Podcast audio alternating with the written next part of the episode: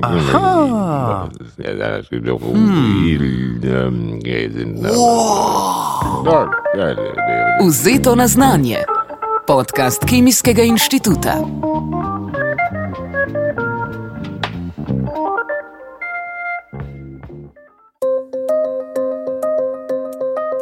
Pozdravljeni.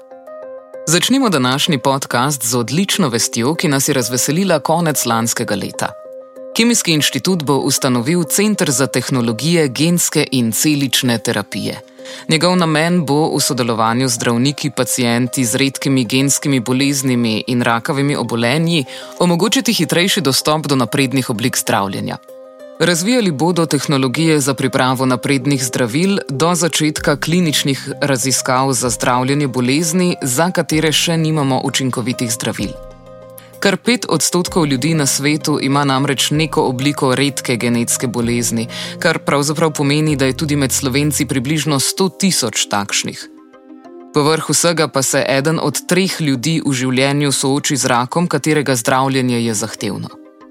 O Centru za tehnologije genske in celične terapije smo se pogovarjali z izredno profesorico dr. Mojco Benčina, ki bo strokovna podpora pri njegovem upravljanju in vodenju. Sodelavka Kemijskega inštituta je sicer že od konca študija, trenutno pa deluje kot raziskovalka na odseku za sintezno biologijo in imunologijo. Sodi med najprodornejše slovenske raziskovalke na področjih imunologije, mikrobiologije in sintezne biologije, zato v bistvu ni nič čudnega, da so jo leta 2018 nagradili s prestižno Preglovo nagrado za izjemne dosežke. Izsledki njenih raziskav so bili objavljeni že v več kot 26 znanstvenih člankih in vrhunskih znanstvenih revijah, kot so Nature Biotechnology, Nature Communications in Nature Chemical Biology. Je pa tudi soavtorica štirih mednarodnih patentov, ki ima poleg vsega strokovnega dela še vedno čas za intenzivno ukvarjanje z individualnimi športi, kot so jadralno padalstvo, kolesarstvo in smučanje. Do studija se je celo na dan obilnih snežnih padavin odpravila kar peš. Pogovor smo začeli kar s prošnjo, da nam malo podrobneje razloži, čemu bo namenjen Center za tehnologije genske in celične terapije. Ja, osnovna ideja centra je pomoč eh, oziroma podpora pri terapiji pacijentom. Eh, Gre pravzaprav za eh, novost v Sloveniji, ki pa je v svetu že precej dobro uveljavljena. V tem smislu je naloga centra, da pripravi neke produkte, ki so ključne za zdravljenje pacijentov za določene bolezni. Ne, tukaj že samo ime pove, da gre tu za zdravljenje eh, raka, ker imamo celično terapijo in pa zdravljenje, eh, mi pravimo temu redkih genskih bolezni, kjer pač v imenu centra imamo nekako povzeto to kot genska terapija. In uh, Ta center pravzaprav združuje obe schemi zdravljenja. Zakaj je, se lahko združujeta obe te schemi zdravljenja? Je pa zato, ker je to pravzaprav individualno za vsakega pacijenta posebej. Namreč zdravljenje ni, narediš eno tono produkta, potem pa to kot, kot pri tabletah, ne, da bi pa to množično uh, uporabljali ljudje za zdravljenje, mislim, pacijenti za zdravljenje svojih bolezni, ampak je treba pravzaprav terapijo tarčno prilagoditi vsakemu pacijentu posebej. Ljudje smo si med seboj namreč zelo različni. Če da nimo potomce ustvarita bližnja sorodnika, obstaja že večja, kar 17-odstotna možnost za genetsko bolezen pri njunih potomcih, kot če starša ne bi bila v sorodu. A verjetno se bodo v centru vseeno v prvi vrsti ukvarjali z rakom, vse pogostejšo boleznijo sodobnega časa. Kje pa sploh bo stal ta toliko krat omenjeni center? Ko smo se prijavljali na evropski razpis, je bilo to prva, eh, prvo vprašanje, kam center umestiti. Namreč center resnično potrebuje nove prostore, ker za produkcijo zdravil je željeno oziroma je pravzaprav zahtevana popolna uh, drugačna, se pravi drugačen pristop kot pri raziskovalnem delu, namreč zdravila morajo biti absolutno varna za pacijenta. In uh, na ta način, se pravi, teh prostorov na kemijskem inštitutu kot izhodišču nimamo. Temu primerno smo pač razmišljali o tem, da bo treba nove prostore vzpostaviti in nekako smo imeli več opcij, ne se pravi, da gremo na popolnoma novo lokacijo, oziroma da uh, umestimo ta center, če se le da, v bližino raziskovalne inštitucije, kot je Kemijski inštitut, kjer te tehnologije razvijamo. Pol po, bomo rekli, trajnem razmisleku smo ugotovili, da je najbolj, da to umestimo čim bliže, namreč uh, prenos raziskovalnega dela potem v končni produkt je veliko bolj učinkovit, če imaš neprestano kontakt tudi z raziskovalci. Tako da center nekako umeščamo nekje v bližino eh, oziroma praktično kot sosed Kemijskega inštituta se predvideva center. Pa je že znana mogoče točna lokacija? Ja, če bo seveda vse šlo po načrtih, a ne še vedno nas lahko spodnese kakšna nepričakovana situacija, bo to pravzaprav dobesedno uh, stavba, ki se bo držala Kemijskega inštituta. Gradnja centra se bo predvidoma začela proti koncu leta 2024, v letu 2026 pa naj bi center začel delovati s svojim delom. Tam se bodo ukvarjali tudi z novimi tehnologijami za zdravljenje raka.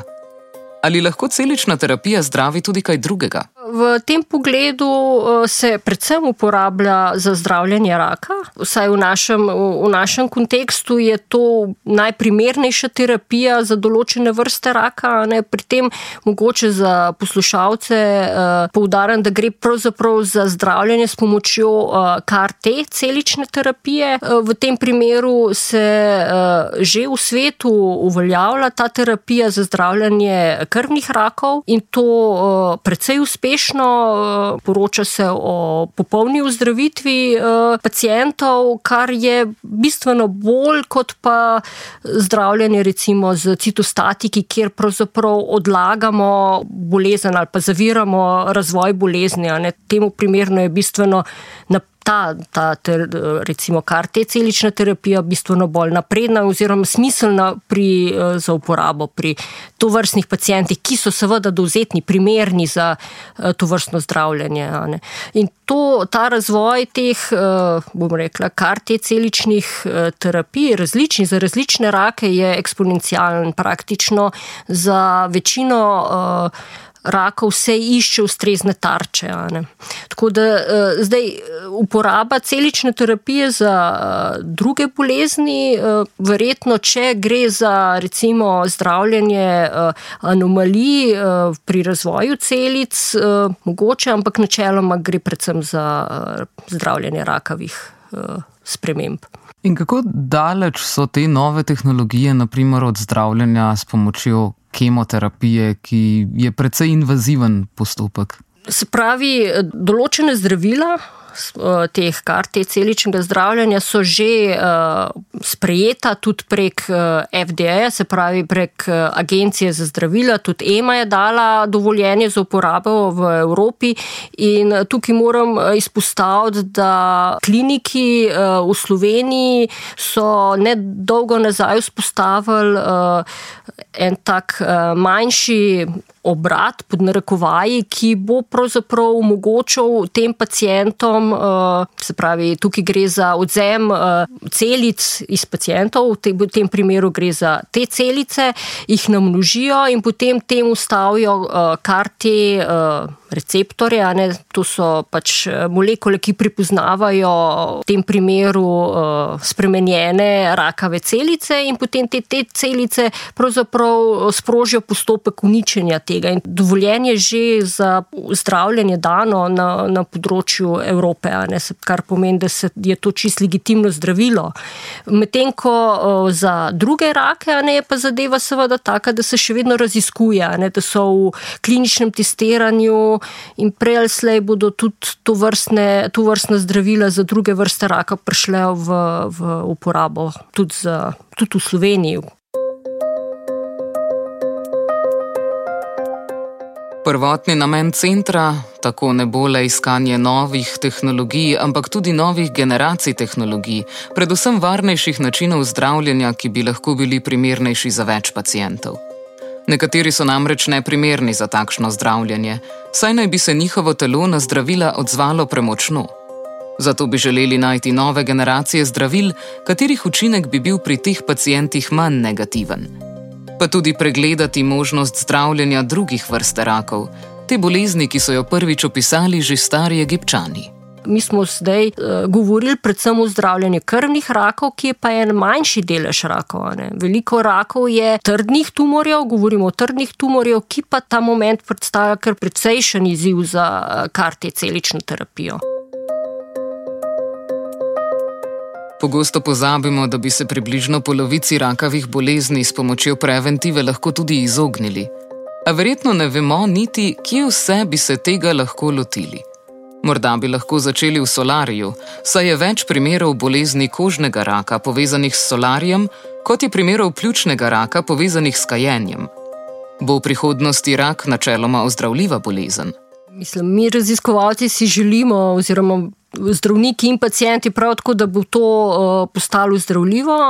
Zdaj, uh, pri uh, celični terapiji je pomembno, da so celice, da prepoznamo markerje na celicah, ki so. Specifični za raka. V tem primeru, če imamo mi prepoznane te markerje, ki so specifični za določeno vrsto raka, potem mi lahko na podlagi tega dizajniramo oziroma pripravimo kar te celično terapijo dokler pa teh markerjev ni, ne prepoznamo, oziroma niso specifični, se ne razlikujejo od markerjev, ki so splošno v telesu, pa ta kar te celična terapija težko pripravljena specifično za raka, ker se lahko odziva tudi na celice, na celice, ki so lastne, mislim, ki, ki so zdrave in so prisotne v človekovem telesu. En tak primer je, recimo, tako ilustrativno, da bodo poslušalci razumeli. Recimo, imamo mi nek uh, celični marker, ki se nahaja na uh, zdravem tkivu uh, mišic, imamo pa raka, ki ima podoben, enak celični marker prisoten. In če bi mi kar te celično terapijo uporabili proti temu markerju, bi hkrati napadla. Eh, se pravi, hkrati ta eh, terapija reagirala tudi na marker, se pravi na, na mišice, ki imajo na površini ta marker. Zato je ta izziv, kako specifično zdraviti samo, bomo rekli, eh, teh tumorske celice, še vedno kar precejšen, posebej pri teh trdnih rakih. V zadnjih nekaj letih se je bila izredna profesorica dr. Mojca Benčina prisiljena ukvarjati tudi s koronavirusom, ki pa ni bil njeno primarno področje raziskovanja. Vseeno je raziskovalcem to obdobje malo pomagalo pri razvijanju RNA cepiv, ki pa so uporabna tudi pri genski terapiji. In ko govorimo o njej, se nekateri bojijo, da bi jim s pomočjo genske terapije spremenili gensko zasnovo in bodo postali kiborgi. Je kaj takega sploh mogoče? Gensko zasnovo spremenjati. Uh... Je mogoče, seveda, ne, definitivno. Ne, namreč eksperimenti na, na živalih jasno kažejo, da se to da. Je pa stvar v tem, da da pravzaprav eh, želja raziskovalcev je predvsem popravljanje okvarjenih genov. V tem primeru, ne, če se navežem tudi na delovanje centra, ne, eh, na, naš cilj je identificirati genske napake, recimo, ki vplivajo na razvoj, nevrološki razvoj oziroma na razvojne motne in jih potem z neko zelo preprosto tehnologijo zamenjave mutiranih genov pravzaprav popraviti.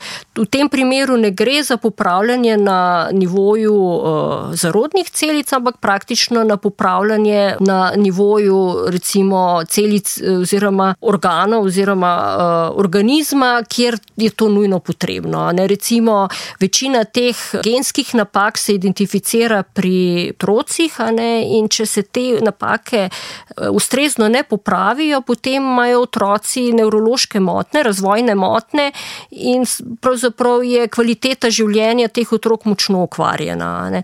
V primeru, da bi pa imeli možnost z gensko terapijo uh, popraviti te mutacije, ne, kar je v nekem deležu mogoče, ne, se jim pa kvaliteta življenja močno dvigne. To pomeni, da pri tem ne pridemo do, bom rekla, novega človeka oziroma spremenja, ampak samo pravzaprav popravimo nekaj, kar bi v naravi mogel biti drugače že v zasnovi. Ali tukaj govorimo tudi o popravljanju, če se tako izrazim, eh, napak, kot so naprimer vem, Downov sindrom? Zdaj, eh, pri, pri genskih terapijah ne nekatere stvari, eh, če gre za napako, ki je posledica mutacije samo v enem genu, potem si lahko nekako, saj raziskovalci vidijo neko možnost popravljanja oziroma izboljšanja klinične slike medtem ko gre pa za mutacije na več različnih področjih gena, je pa to malo težavnejše, oziroma ta moment še ne tako, bom rekla, enostavno viden cilj, ker pač še vedno pač je to neka začetna, uh, bom rekla, to genska terapija v nekih povojih, a ne se praktično učimo uh, sprot, a ne in hkrati ne moramo predvideti, a ne če mi en gen popravimo, kako bomo pa pol naslednji gen popravili, če gre več gen, če je več mutacij eh, prisotnih v genomu. Tako da je treba tudi pri tem najprej pogledati, kakšne so mutacije, oziroma kje je izvor teh moten, potem pa gre. Eh, recimo ena varijanta ne, z popravljanjem z gensko, z gensko terapijo. Ne. Tako da uh, v tem primeru moramo pač sodelovati toliko več z zdravniki, z kliniki, ki pač naredijo pregled, izvor same eh, motne eh, v razvoju in na podlagi tega se pol odloča, a je eh, upanje za gensko terapijo ali ni upanja. Ne. Ni pa verjetno strahu, da bi zaradi tega delali otroke po naročilu? Ja, jaz upam, da ne. No, da je še vedno ne treba se zavedati, da je to nekaj, kar je tam trenutno v razvoju, te genska, eh, se pravi, genska terapija se razvija, da pa uh, močno, močno dvomim, da bi kdorkoli od staršev bil pripravljen se igrati z genomom svojega otroka, zato da bi naredil super otroka, ker pač je znanje ta trenutek tudi niti podrazno ni tako učinkovito, da bi rekel, da zdaj pa zamenjamo ta gen in potem bomo dubali pa super uh, genija, ne, ker pač verjetno v tem procesu je upletenih bistveno več genov ne, in naredimo, verjet, mislim, zagotovo se naredi bistveno škodo, kot pa korist. Zato, da bi torej dobili otroka po želji, se morda raje najprej obrnite na pravega partnerja. Sicer pa je prihodnost že tako težko napovedovati. Ljudje so leta 1900 menili, da bomo danes že vsi sobivali s humanoidnimi roboti. V resnici pa živimo v svetu, kjer lahko celo v razvitih državah 20 odstotkov smrti otrok pripišemo genetskim boleznim. Ni pa kar te terapija edini že znan način zdravljenja. Dr. Benčina se že nekaj časa ukvarja tudi s sonogenetiko.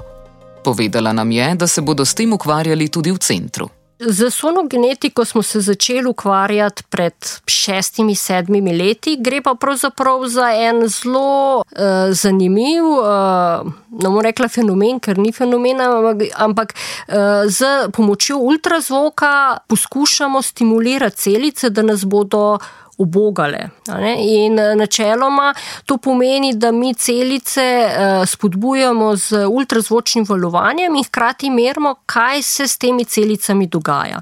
Ugotovili smo, ne, da če z določeno frekvenco mi celice spodbujamo, začnejo najprej odpirati ionske kanale in s tem prihaja do vnosa kalcija iz zunanjosti v notranjost. To pa že odprej znamo izkoristiti na, na ta način, da pač spodbudimo izražanje specifičnih genov. In kje nam to prav pride? Recimo, ne, če grem spet nazaj na uh, celično terapijo, recimo, da imamo mi uh, celice, ki izražajo kar te receptorje, samo pod pogoji, ko jih mi stimuliramo z ultrazvokom. In uh, kar je pa recimo pri trdnih tumorjih pomembno, ker potem, če mi te celice, kar te celične terapije, ustavimo v okolico tumorja in potem spodbudimo izražanje, izražanje teh receptorjev na površini z ultrazvokov, imamo praktično omejeno delovanje samo na tisti lokaciji. In to je pravzaprav neka perspektiva, namreč iščemo neke nove možnosti, da bi se. Celice aktivirale samo takrat, ko jih mi hočemo aktivirati, in samo na tisti lokaciji. In to pravzaprav ultrazvok omogoča. Tako da iz tega povedano se mal nakazuje, da pravzaprav bo ultrazvok nas še vsaj nekaj časa spremljal tudi v centru. Mogoče ne v aplikativni naravi, ampak v raziskovalni. Če pa se izkaže to v predkliničnih raziskavah, da odlično deluje, potem pa seveda tudi v aplikativni naravi, se pravi v terapiji. Ultrazvok se sliši zelo dostopno, genska terapija malo manj.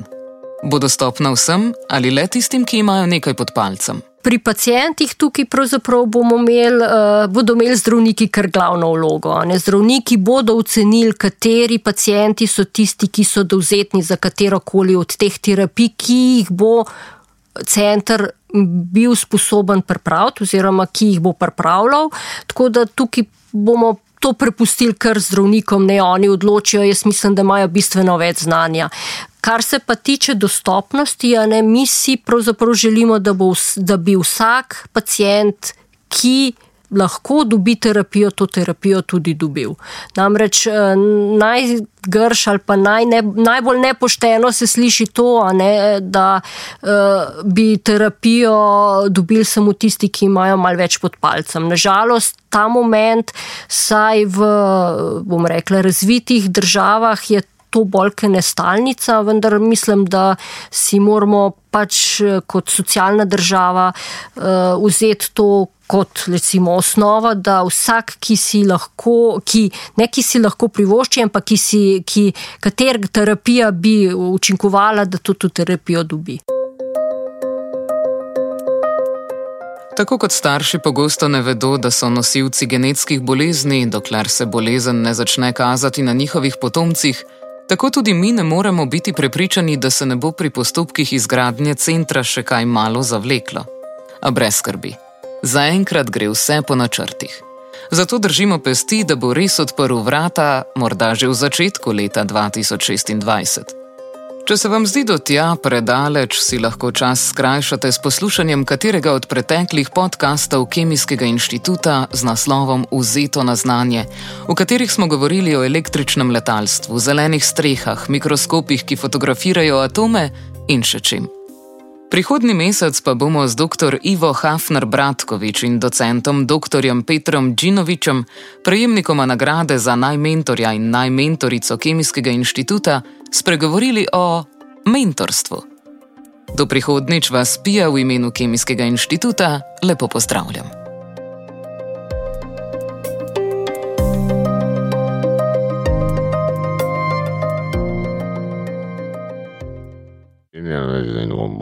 Snedning. Aha. Ja, da je bilo